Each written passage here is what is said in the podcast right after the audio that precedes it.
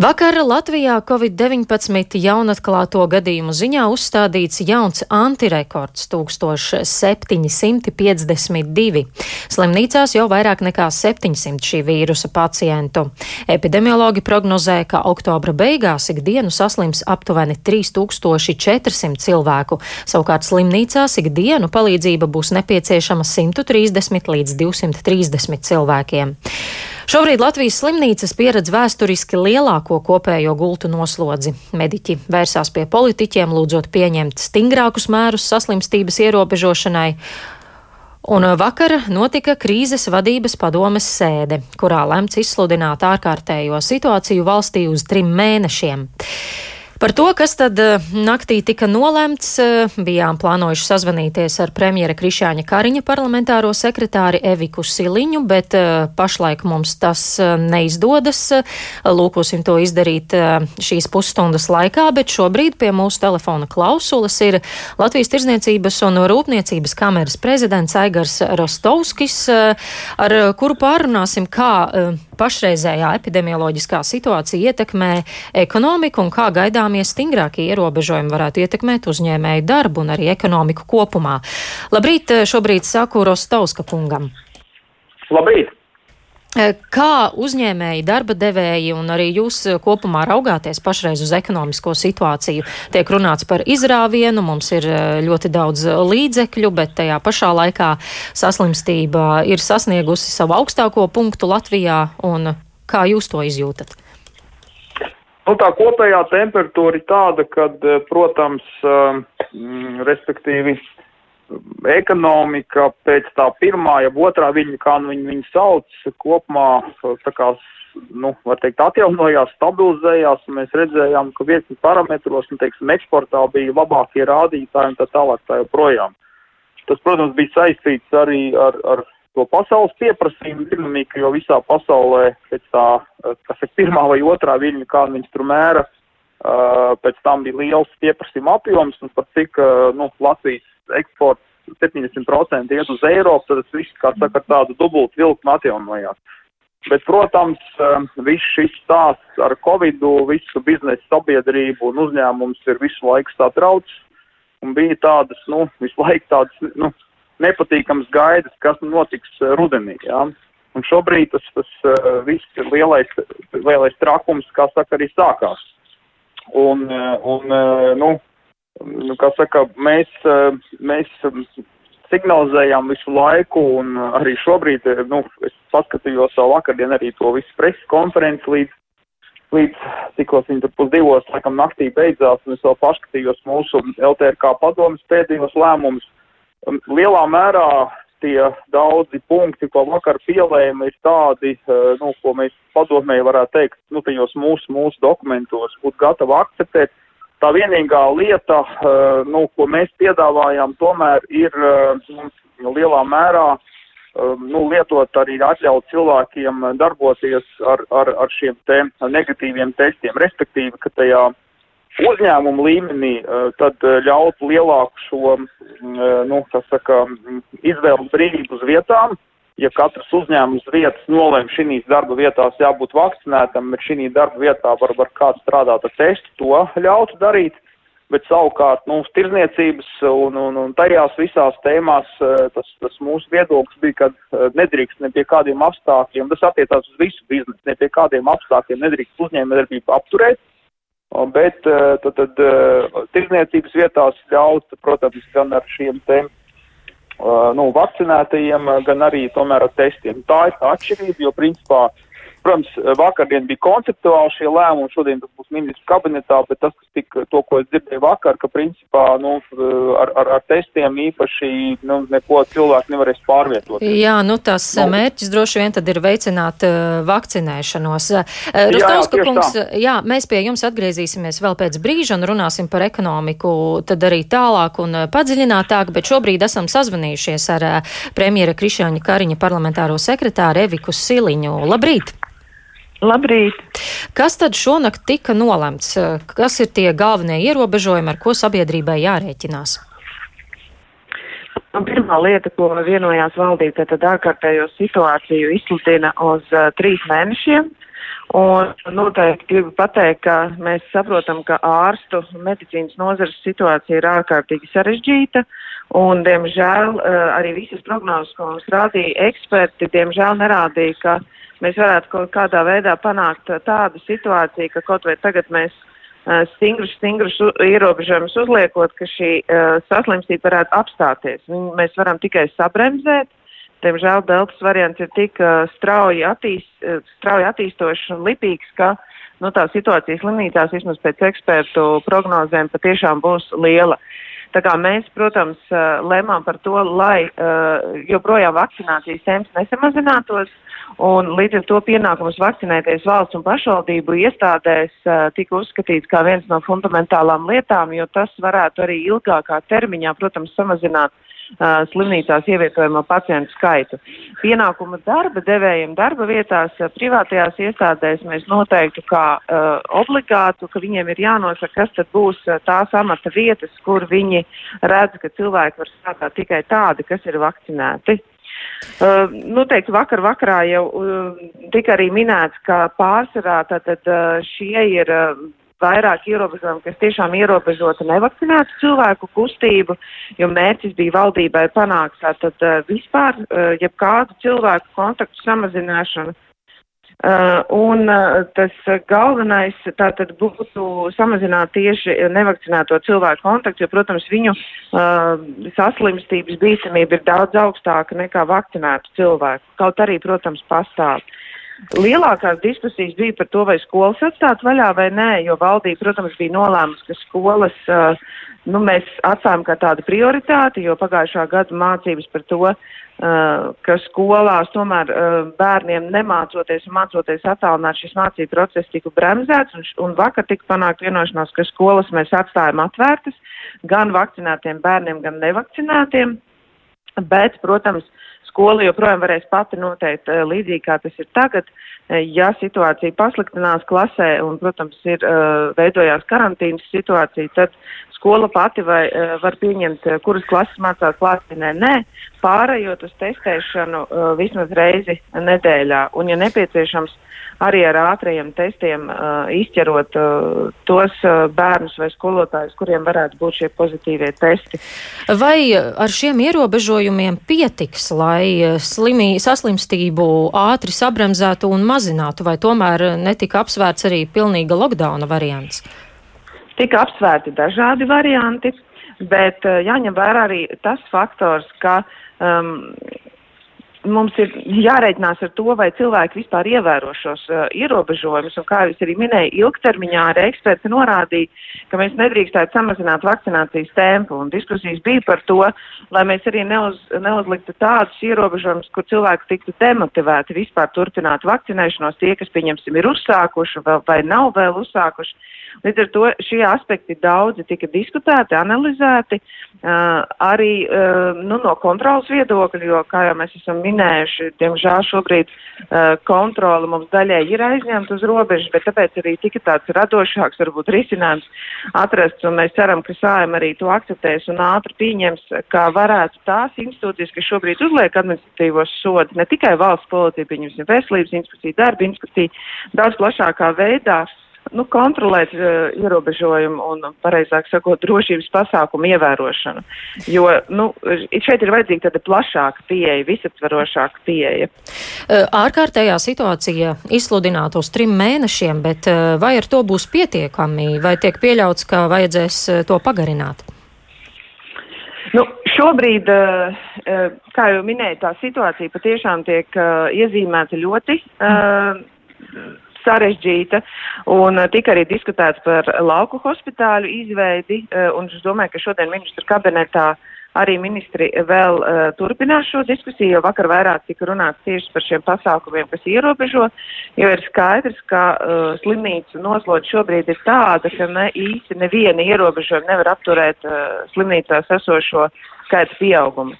Viņi var sabremzēt, un, un, kā jūs arī minējāt, bija garas diskusijas par to, kas ir tie efektīvākie arī ilgtermiņā, ne tikai varbūt ieviešot uz kādu īsāku laiku, uh, trīs nedēļām uh, vai vēl īsāku laiku, lai nebūtu šī vilšanās sajūta, ka mēs visi solidarizējamies, mēs visi ievērojam šos ierobežojumus, bet mēs nesasniedzam šo rezultātu. Situācija ir sarežģīta, valdība ir lēmusi šādā veidā iet. Kad stāsies spēkā šie jaunie ierobežojumi? Uh, tas arī, es domāju, šodien ir valdībai uh, jā, jāizlemj, jo principā ārkārtējā situācija stājas spēkā uzreiz pēc parakstīšanas, uh, bet, nu, ņemot vērā, ka te ir tādas lietas, kur varbūt vajag kādu dienu sagatavoties, es pieļauju, ka tā varētu būt pirmdiena, bet man negribās spekulēt, tas netika tā izdiskutēts tik precīzi. Bet nekavējoties, burtiski, nu, tas ir dažu dienu jautājums. Jā, nu pirms dažām dienām mediķi jau cēla trauksmi, ka situācija tiešām ir kritiska. Eh, kādēļ tad valdība jau laikus jau iepriekš nespēja rast risinājumu un pieņemt šādus lēmumus, bet eh, mēs esam novilcinājuši situāciju jau līdz tam, kā gandrīz esam tādā kā katastrofas priekšā. Kādēļ eh, nebija jau laiku šāda rīcība? Nu, jārīkojas ir tad, kad situācija ir gatava. Un, uh, mēs esam jau divus gadus šādā režīmā un pieņemt eh, lēmumus, kuriem sabiedrība īsti arī varbūt nav līdz galam gatava un varbūt arī nekad nebūs gatava, ir eh, ārkārtīgi sarežģīti. Mums bija dažādi scenāriji jau vasarā, tā skaitā ar pienākumu vakcinēties, eh, kas diemžēl netika pieņemti ātri un nekavējoties. Šis projekts faktiski nu, netika realizēts saimā trūkstošo balsu dēļ. Līdz ar to bija jāmaina šī rīcība, un šis ir valdības lēmums šobrīd. Brīdinājumi un arī tas scenārijs rudenim jau bija iezīmēts arī vasarā, kā iespējams nebūs labi šajā rudenī, vai varētu teikt, ka politiķi un arī valdība zināmā mērā nobijās no protestiem, kas augusta beigās bija Rīgā. Es domāju, ka nevarētu teikt, ka nobijās, bet tie ir jāņem vērā, jo, uh, nu, vai slimnīcas mums piepilda uh, cilvēki, kas cietuši uh, vardarbības, vai cilvēki, kas uh, mums ienāk caur uh, robežu. Uh, katrā ziņā valdībai ir jāpielem, jāņem vērā visi šie aspekti. Un, uh, kā jau es arī minēju, tomēr uh, visu laiku veselības norzare arī brīdināja, ka viņiem ir šis nepieciešamo gultu skaits bet progresija ir faktiski sākusies pēdējā mēnesī. Un scerā, scenāriji jau tika iezīmēti, kā es arī minēju, jau vasarā, kāda varētu būt šie pasākumi, šie zaļie scenāriji, kad ir tikai vakcinētie, dzeltenie ar testiem. Tas jau nekur nav pazudis, tas faktiski arī lēmumos parādīsies. Bet Tad, kad valdībai bija konkrēti jānolem, kas tagad tūlīt stājas spēkā, tas, protams, raisa arī papildus diskusijas. Gan sabiedrībā, gan arī valdībā. Jā, nu mēs arī par to turpināsim diskutēt. Šobrīd saku paldies jums. Sazvanījos ar premjera parlamentāro sekretāru Eviku Siliņu un šobrīd atkal pievēršos Latvijas Tirzniecības un Rūpniecības kameras prezidentam Aigaram Rostovskim. Jūs nu pat dzirdējāt, ko teica arī Siliņas kundze. Kādas būs sekas no šiem ierobežojumiem uzņēmējiem? Vai, vai vajadzēs atkal kompensācijas? Jā, pirms uh, atbildēt uz šo jautājumu, gribētu arī tā kā bišķi iekomentēt to, ko jūs jautājāt uh, Siliņas kundzei. Tad um, šī, šī situācija parāda tādu, nu, mūsu arī valdīšanas un varbūt arī sabiedrības tādu kopīgo kaiti, ka mēs, nu, braucam no viena grāvja otrā, jā, un, un nu, nav šīs kaut kādas līderības un izlēmības. Tas, ka būs šāda situācija, nu, tas bija skaidrs prognozējums. Un faktiski, ja mēs paskatāmies salīdzinoši ar daudzām, varbūt tādām attīstītām, rietumu valstīm, viņi spēr eh, daudz stingrākus soļus ātrāk, bet iekļaujošāk. Nu, piemēram, es biju pats pirms uh, divām nedēļām Vācijā, uh, tad uh, viņi, viņiem ļoti uz priekšu gāja šis te vakcinācijas uh, process, bet jau tāda ļoti stingri bija situācija tāda, ka visādos pasākumos varēja piedalīties gan vakcinētie, gan ar testiem, bet arī uz vakcinētajiem bija šie te jau nu, tādi stingrie noteikumi, tur masas, distants un tam līdzīgi. Tad nu, mēs iebraucam vien otrā grāvī. Uh, mēs varbūt tos, es nezinu, es neesmu mediķis, kā tur izplatās tas vīrus, jā, bet mēs tos, kas novakcinējām, palaidām pilnīgā brīvībā, tagad atkal viņus tur slēdzam ciet. Mēs, kā saka, tā lecam no viena grāvja otrā. Mums ir jāmācās kā sabiedrībai, nu, rosīties tādā veidā. Otra lieta, ko es gribētu atzīmēt, nu, tas, ko parāda Dānijas piemērs, un tas atkal mums kā sabiedrībai brieduma jautājums par uzticēšanos, sabiedrības uzticēšanos valdībai un otrādi, jā, un, un šajās, un tā Dānija arī to parāda. Bet runājot par uzņēmē darbību, nu, kā es teicu, tad, eh, protams, mēs gaidām ar bažām, kā es teicu, kad mūsu tajos dokumentos bija, tajā mūsu pozīcijā bija pamatpozīcija, ka jā, jāļauj strādāt visiem, bet arī, kad ar, ar šo testu var, var strādāt un attiecīgi katrs uzņēmums nolem uz vietas vai, vai tikai vakcinēti vai ja testu. Un, protams, bet, diemžēl, ja šie noteikumi būs ļoti stingri, skaidrs, ka, ja viņi stāsies spējā, spēkā nekavējoši vai no pirmdienas, daudzās jomās, teiksim, tirzniecībā būs noteikti kritums, un kamēr sabiedrība kaut vai, nu, kas saka, tur transformēties, ja tā var teikt, jā.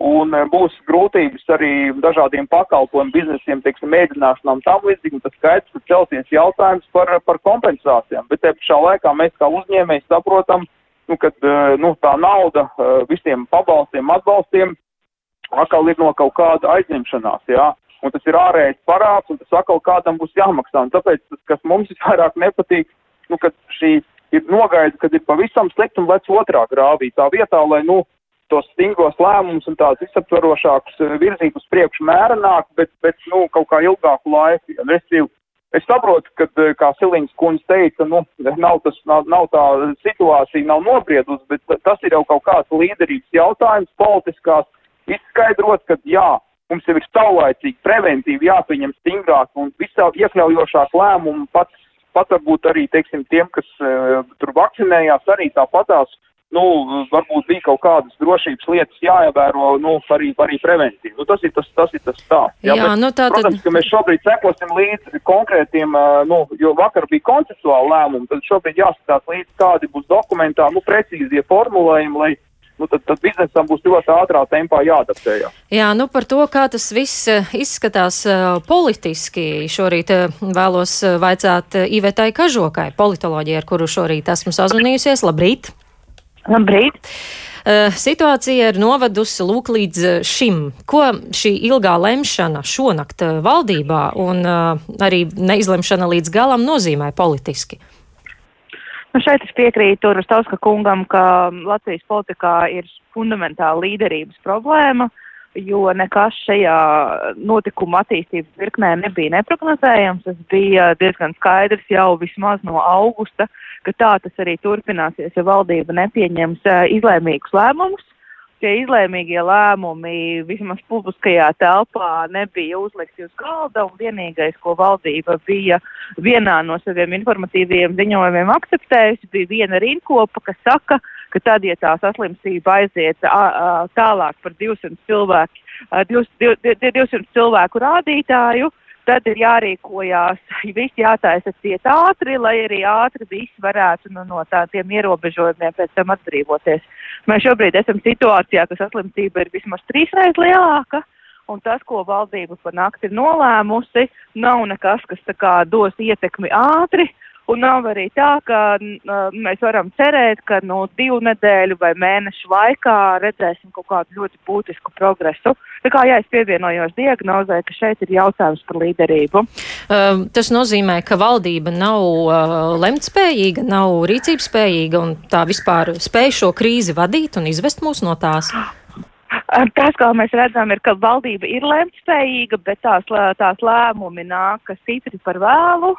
Tad, kad jau gandrīz neko nevar mainīt, viņi ir ļoti sarežģīti, viņi ir gandrīz neizskaidrojami, viņi izraisa sabiedrības neapmierinātību visdažādākos sabiedrības segmentos. Tā kā, ja mēs skatāmies no tā, vai valdība principā spēja pieņemt lēmumus, jā, valdība spēja pieņemt lēmumus, vai tie lēmumi ir gudri, vai tie ir izskaidrojami, vai sabiedrība to spēja pieņemt. Man šķiet, ka tas, ko šonakt pieņēma valdība, ir ļoti līdzīgs tam, kas notika pavasarī un pagājušajā, pagājušajā ziemā. Un tur mēs redzējām sēkas pēc tam sabiedriskās domas aptaujās, kas liecināja, ka tieši Latvijas iedzīvotājs starp visām Eiropas Savienības dalību valstīm ir visneapmierinātākie ar to, kā valdība ir, ir pārvaldījusi Covid-19 krīzi. Tā kā es teiktu, ka um, valdība spēja pieņemt lēmumus, bet es nespēju izskaidrot, kāpēc tie lēmumi ir tādi, kādi viņi ir. Um, nu jā, vai šo lēmumu, kas varētu traucēt šo lēmumu pieņemšanai, kas varētu būt varbūt tie iekšējie opozicionāri valdībā, jo KPV LV vairāk uh, nav valdības sastāvā, kas, kas varētu būt akmens? Es, es atgriežos pie jautājuma par uh, politisko līderību un šajā konkrētajā gadījumā gan premjeru, gan prezidentu. Uh, kuriem tomēr šādās situācijās ir nevis jāmēģina būt par moderatoriem starp visdažādākajiem ministriem, partijām un dažādām interesēm, bet gan nākt ar savu skaidru redzējumu, kas ir balstīts ekspertu vērtējumā un kas varbūt tiešām prasa dažkārt pieņemt ārkārtīgi skarbus lēmumus. Un tad ir jāmēģina šim lēmumam saņemt, saņemt savākt parlamenta un arī valdības, valdības atbalstu un arī izskaidrot to lēmumu sabiedrībai. Šeit notiek uh, visu otrādi, visu šo Covid-19 uh, uh, vismaz pēdējā gada, uh, gada laiku. Uh, kad uh, izskatās, ka tās politiskās līderības un gatavības tādiem ļoti nepatīkamiem scenārijiem nav vispār, un tad, kad tā situācija uh, kļūst uh, absolūti kritiski cilvēkus vairs nevar uh, rēķināties ar medicīnas pakalpojumiem, tad sanāk kopā visa valdība, lem tur desmit vai cik tur stundas no vietas un, un iznāk ārā ar kaut kādu samocītu kompromisu, kas nav izskaidrojums sabiedrībai. Uh, vai tas nozīmē, ka šai valdībai būtu jākrīt vai varbūt jāmaina premjers? Uh, Ma, manā izpratnē šobrīd par, par, par to situāciju slimnīcās pirmām kārtām, protams, atbild visi tie, kas ir musinājuši pret vakcinēšanos, kas ir izplatījuši dezinformāciju, arī tie politiskie spēki, kas ir mēģinājuši uz cilvēku, cilvēku atturēšanas no vakcinācijas vai arī valdības lēmumu bremzēšanu par obligātu vakcināciju. Ka šie ir tie cilvēki, kas ir pirmām kārtām atbildīgi par šo situāciju. Bet otrām kārtām, protams, ka par šo situāciju, kad uh, gan ir pārpildīta slimnīca, gan arī nav konkrēta plāna par to, ko darīt tālāk, gan arī tas, to, ka uh, arī turpmāk, ne tikai nākamās divas nedēļas, bet droši vien, ka mēnešus uh, mirs nevajadzīgi daudz cilvēku, ir atbildīga valdība. Un valdība, protams, ka pirmām kārtām simbolizē premjers kā galvenā atbildīgā amatpersona par to, lai tomēr Latvijas sabiedrībai un arī valdībai rādītu kursu un mēģinātu uh, mēģinātu, mēģinātu pamatot, uh, pamatot uh, labākos no iespējamiem lēmumiem. Labākais no iespējamiem lēmumiem, esmu pārliecināta, šajā situācijā nebija savākt kopā visus ministrus un mēģināt izveidot samocītu kompromisu. Nu tad laika gaitā manīsim, vai un kurš tad šādu atbildību varētu uzņemties. Paldies, saku politoloģijai Ivetai Kažokai.